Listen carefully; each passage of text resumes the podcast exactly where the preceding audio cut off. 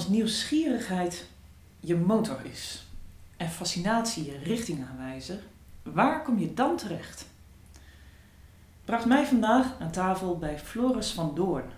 Floris studeerde cum laude af in Utrecht, promoveerde daarna in Pittsburgh, Pennsylvania, en werkt daar nu als postdoc, waar hij onder supervisie van Thomas Hills werkt aan het Formal Abstracts Project.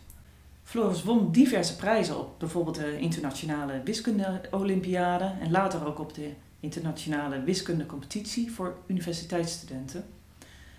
Ja, welkom Floris, allereerst. En als ik google op jouw naam, dan zie ik dus eerst die vermelding over die prijzen die je won, op de middelbare school en later als student. Maar ik heb ook gehoord dat mensen erg enthousiast reageerden op het onderzoek waarop jij promoveerde. Kun je uitleggen waar dat onderzoek over ging?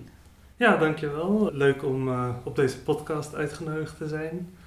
Ja, mijn uh, onderzoek ging eigenlijk over twee thema's. Ik werkte aan een nieuwe logica dat heet homotopie-type-theorie. Uh, en bewijsassistenten. Dat zijn, in kort gezegd, zijn dat computerprogramma's die bewijzen van een wiskundige kunnen controleren en helemaal kunnen checken of dat van A tot Z klopt en er geen fouten in zitten.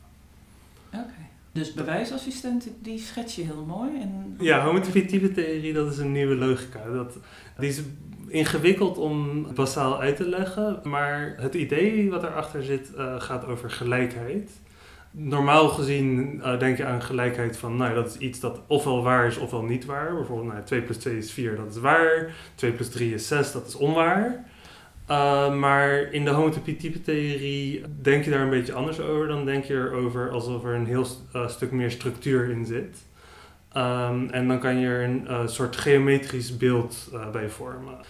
hoe je dat kan inzien is, stel dat je een figuur hebt in een vlak.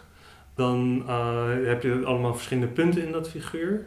En dan een gelijkheid tussen twee punten wordt dan gezien als een pad binnen dat figuur. Dus uh, in een cirkel bijvoorbeeld, als je de rand van een cirkel hebt, uh, dan kan je daar twee punten hebben. En een gelijkheid tussen die twee punten is een pad van het ene punt naar het andere punt. En dan zijn er natuurlijk meerdere manieren om uh, twee punten aan elkaar gelijk te maken. Je kan bijvoorbeeld linksom of rechtsom het pad kiezen. En dat zijn dan twee verschillende manieren om te zeggen dat die punten gelijk zijn. Ja, en bewijsassistent is eigenlijk in de wiskundewereld ook nog een vrij nieuw begrip? Ja, zeker. Ja, dus bewijsassistenten, dat, uh, dat gaat terug al een behoorlijk lange tijd. Nou ja, sinds het begin van de computer zijn er uh, pogingen geweest om bewijsassistent met een computer bewij nieuwe bewijs te vinden en, en te controleren. En nou ja, dat is in de laatste decennia is dat wel, wel wat groter geworden. Dan, er zijn wel grote successen in het gebied van bewijsassistenten. bijvoorbeeld uh, er is een, een stelling dat heet de vierkleurenstelling, die is helemaal gecontroleerd. Uh, een andere is, die heet Kepler's conjecture. En die zijn dan helemaal van A tot Z gecontroleerd met een computer. En dat is dan nuttig omdat bijvoorbeeld van beide bewijzen was het heel lastig om het handmatig te checken, omdat het lange bewijzen waren. En in beide gevallen van die twee bewijzen werd er ook met behulp van een computer een programma, dat zeg maar de, de wiskundigen zelf schreven, gingen ze heel veel kleine gevalletjes af. En dan is het natuurlijk heel moeilijk om te checken of ze niet per ongeluk in het programma dat ze zelf schreven een, een gevalletje misten of zo. Uh, en en zo'n bewijsassistent kan dan helemaal controleren of het bewijs van A tot Z klopt. Oké. En met gevalletje bedoel je zo'n een, een lemma? Een, een... Ja, een lemma. Of, of in, in sommige van die bewijzen moet je bijvoorbeeld uh, honderd verschillende waardes checken. Of, of uh, nou stel dat je bijvoorbeeld iets voor alle uh, positieve gele getallen wil bewijzen. Soms kan je dan een algemeen argument gebruiken voor alle grote gevallen. Bijvoorbeeld voor elk getal groter dan een duizend kan, werkt dit algemene argument. Maar dan moet je nog steeds alle kleine gevalletjes handmatig doen. Dat, dat soort dingen. Ja. En is dat vooral iets wat, wat gewoon handig is om te doen? Of zit er nog wat meer achter? Nou, ja, er zit, er zit zeker wel meer achter. Um, grotendeels in de wiskunde kloppen de bewijzen natuurlijk wel. Uh, maar er zijn zeker uh, beroemde gevallen waar nou ja, iemand een bewijs claimde en dat dan uh, geaccepteerd is door de wiskundegemeenschap, maar dan tien jaar later of zo komt er iemand achter dat er toch een fout in zat. Soms zit er dan alleen een fout in het bewijs en kan dat door nog een jaar eraan te werken gefixt worden, maar soms klopt gewoon het resultaat niet. En er zijn zelfs gevallen dat er twee papers gepubliceerd zijn in, in journals waarin die elkaar, waarvan de resultaten elkaar tegenspreken en dat het voor een tijdje onduidelijk is welk van de twee nou klopt. Um, en en nou bewijsassistenten kunnen daar echt uitkomst bieden om nou ja, zeker te weten dat het bewijs wat je geeft klopt. Oké. En merk je dus dat iedereen er dan inderdaad om staat te juichen? uh, nou, dat, uh, dat valt nog wel tegen. Uh, nou ja, het, het grootste probleem met bewijsassistenten is dat het gewoon een, een stuk meer werk is om het bewijs op zo'n manier opschrijven dat een computerprogramma dat kan checken. Ja. Dan moet je, nou, je moet veel meer details geven. Als je een bewijs opschrijft voor andere wiskundigen, dan kan je grote stappen nemen. Of dan kan je zeggen, nou ja, nu gebruiken we deze methode of deze aanpak om uh, naar dit resultaat toe te gaan. En in een bewijsassistent moet je veel preciezer, veel kleinere stapjes nemen. En het is dus een stuk meer werk. En daardoor uh, is het nog niet in het algemeen. De meeste wiskundigen die, die kennen deze technologie niet en, uh, en, en, en passen nog niet toe. maar de hoop is natuurlijk in de toekomst dat het een stuk, een stuk makkelijker wordt om, om dit soort bewijsassistenten te gebruiken en dat het dan een stuk meer wordt toegepast. Ja, geaccepteerd, ja. Want hoe is jouw fascinatie voor juist dit onderwerp ontstaan? Ben je er gewoon ingerold of was je altijd al met logica? Ja, ja dus, dus dit, uh, de bewijsassistenten, dat, dat zit in het gebied van de logica. En aan de universiteit, toen, ik, toen volgde ik een vak logica, eh, dat heet uh, dan grondslagen van de wiskunde. En uh, dat, dat fascineerde me gewoon heel erg, om, om dan ga je eigenlijk binnen de wiskunde nog een stapje terug naar kijken van hoe werkt een wiskundig bewijs nou? Hoe, hoe kan je nou ja, wiskundig opschrijven hoe je, hoe je wiskundig aan het redeneren bent? En, en die, die interactie die, die vond ik wel heel interessant. Van hoe de, de wiskunde over zichzelf kan redeneren. Oké, een stukje reflectie over. Uh, ja. En dan, nou ja, be bewijsassistenten, die, mijn fascinatie daarvan kwam, kwam wat later. Dat was tijdens mijn master.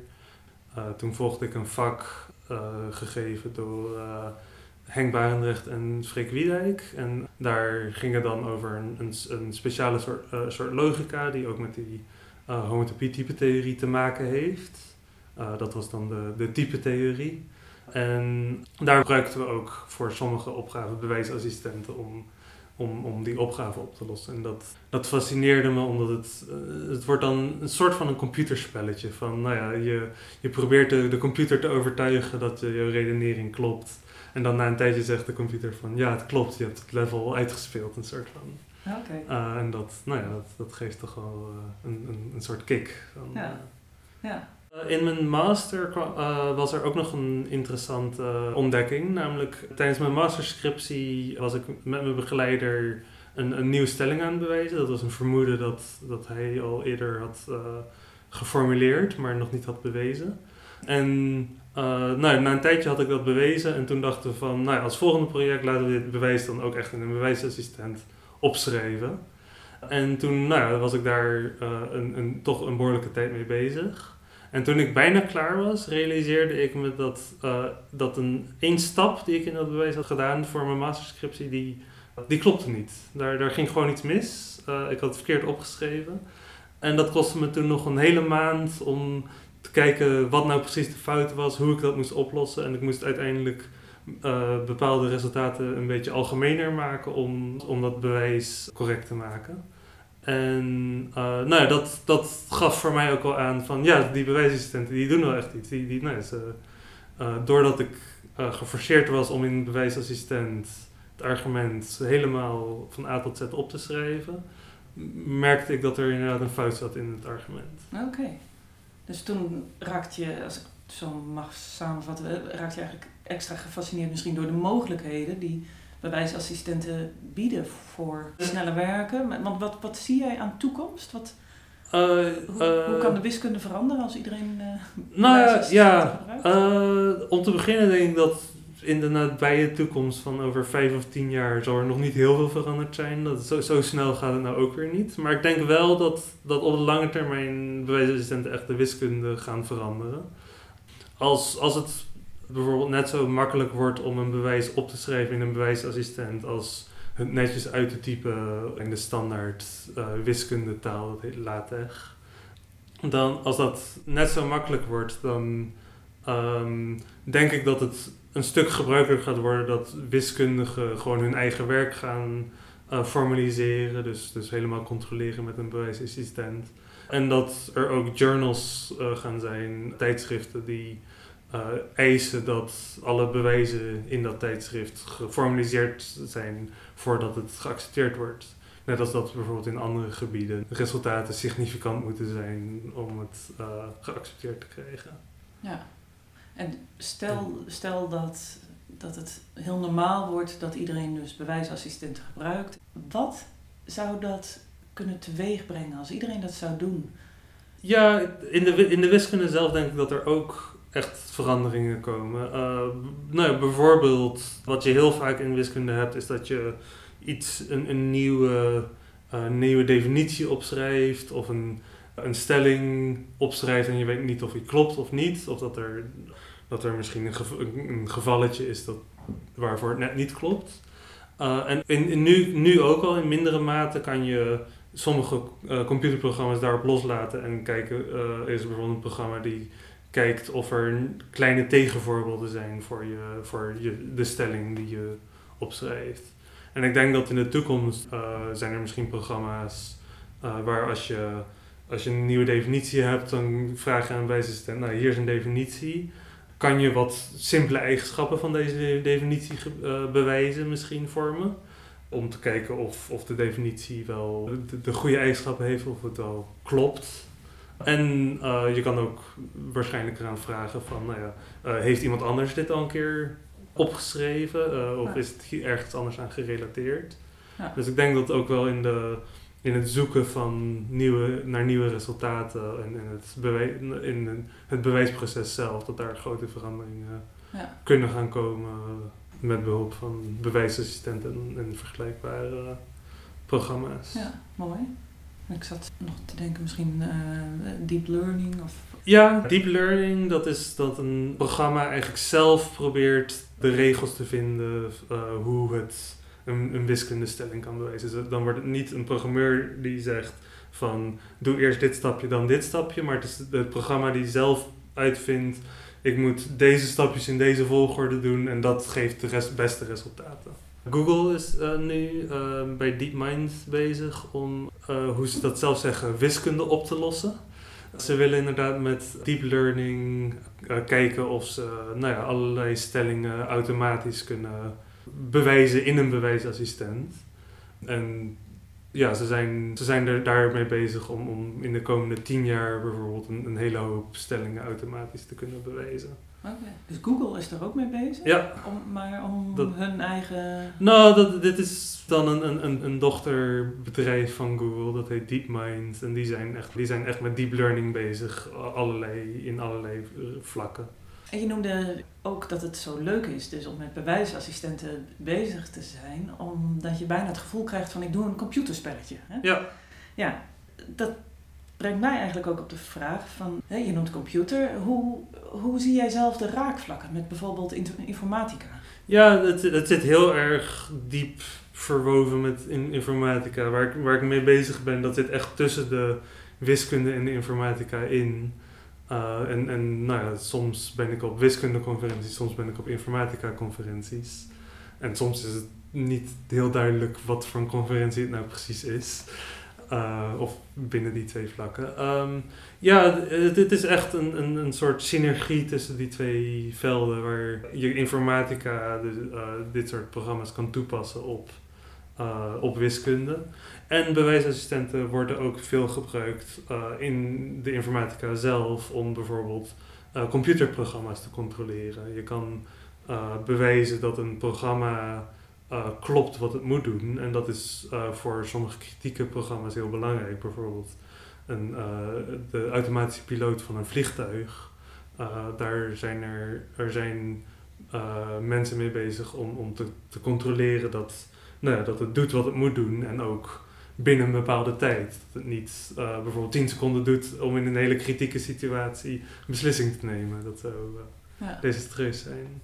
Ja. En, en het wordt ook gebruikt om nou ja, microchips en, en allerlei uh, programma's of compilers te, te controleren of, of ze doen wat, wat ze horen te doen. Ja, mooi. En, en, en andere toepassingen? Bijvoorbeeld, denk je dat bewijsassistenten ook educatieve waarde kunnen hebben?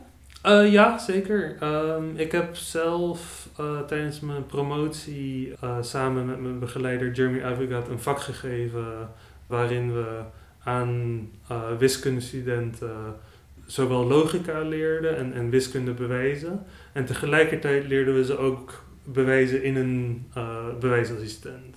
Dus ze leerden formeel wiskundige bewijzen op te schrijven en dan ook hoe het hoe je het helemaal precies kan doen in een bewijsassistent.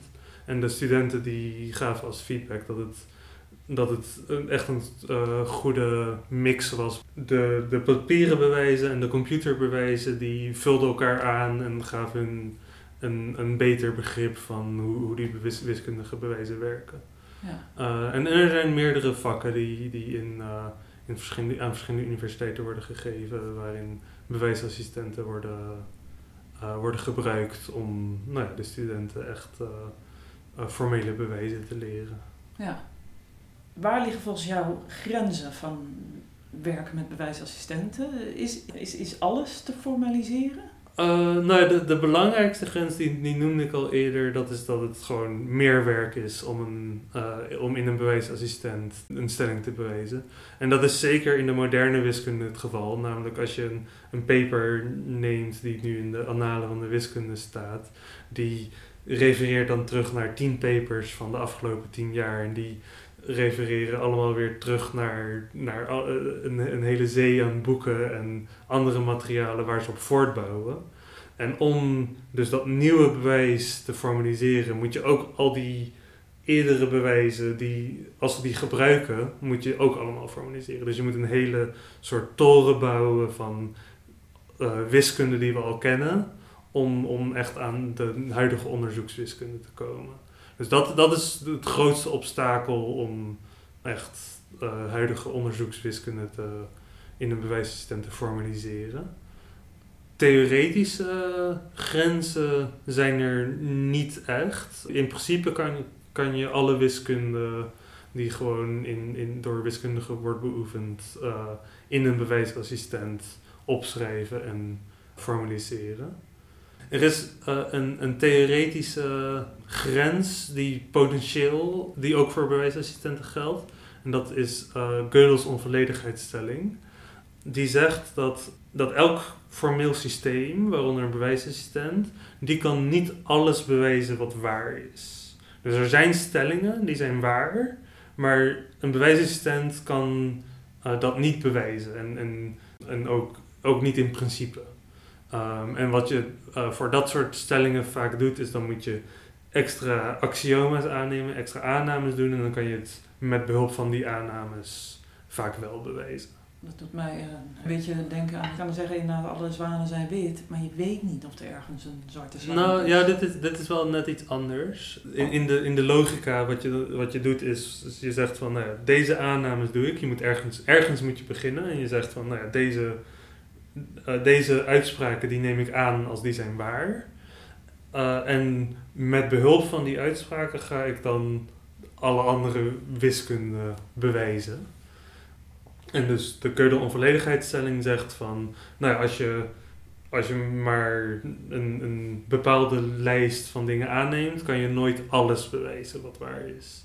En in het bijzonder kan je nooit uh, bewijzen dat de, de logica waar je mee begon, dat die consistent is. Dat, dat je niet uh, per ongeluk iets aanneemt dat uh, onwaar is. Dat een van je axioma's onwaar is. Dat kan je niet binnen het systeem bewijzen. Oké. Ehm, tot slot. Jij bent ook trainer geweest bij de Olympiades, wiskunde Olympiades. En hielp ook mee op het vierkant uh, zomerkamp. Als jij nu één minuut de tijd zou hebben om iedereen toe te spreken die op dit, dit moment wiskunde leuk vindt, maar nog wel twijfelt of dat dan niet veel te moeilijk is en zo, wat zou jij dan zeggen? Nou, als je wiskunde leuk vindt, dan moet je zeker uh, kijken of de vierkant voor wiskunde zomerkampen iets voor jou zijn. Dat is dan een week lang uh, een zomerkamp waar je aan allerlei leuke wiskundeproblemen werkt. Meestal in de middelbare school wordt meer een beetje de standaard wiskunderegeltjes uitgelegd, maar niet echt uitgelegd waarom die regels gelden en wat er nou achter zit. En in, in die zomerkampen en ook op de universiteit, dan kijk je een stuk meer naar wat zijn nou de patronen die altijd gelden, waarom gelden de regels die je leert en echt de, de redenen en de patronen die achter de wiskunde zit die je nou ja, bijvoorbeeld op de middelbare school krijgt. En, en vaak vinden mensen dat een stuk leuker om, om, om, uh, om, om die dan te leren. Ja, maar je zegt, eh, als je het leuk vindt, dan, dan ga naar zo'n kamp toe. Wat heeft het jou gebracht? Uh, ik, vond, ik vond wiskunde altijd al wel heel erg leuk en was er ook goed in. En in, ik denk aan het eind van, mijn, van de vierde klas kwam ik voor het eerst die wiskundekampen tegen. En toen kwam ik echt in een groep mensen die allemaal wiskunde wel leuk vonden. En, en, ik was niet zeg maar de enige in de klas die, die wiskunde leuk vond. En dan gingen we daar gewoon met z'n allen allerlei leuke problemen oplossen. En er werden een hoop spelletjes gespeeld en uh, een hoop puzzels die je kon doen en oplossen met, in je eentje of met anderen. En het is gewoon een leuke groep om, uh, om met elkaar een beetje wiskunde te doen. Oké, dus vierkant voor wiskunde.nl zal het waarschijnlijk zijn, hè? Gewoon even googlen ja. en dan... Ja, dan, uh, dan vind je dat heel makkelijk. Ja, ja. oké. Okay. Nou, dankjewel voor deze tip en voor je bijdrage aan de podcastserie. Ja, bedankt uh, voor de uitnodiging. Dankjewel, Floris van Doorn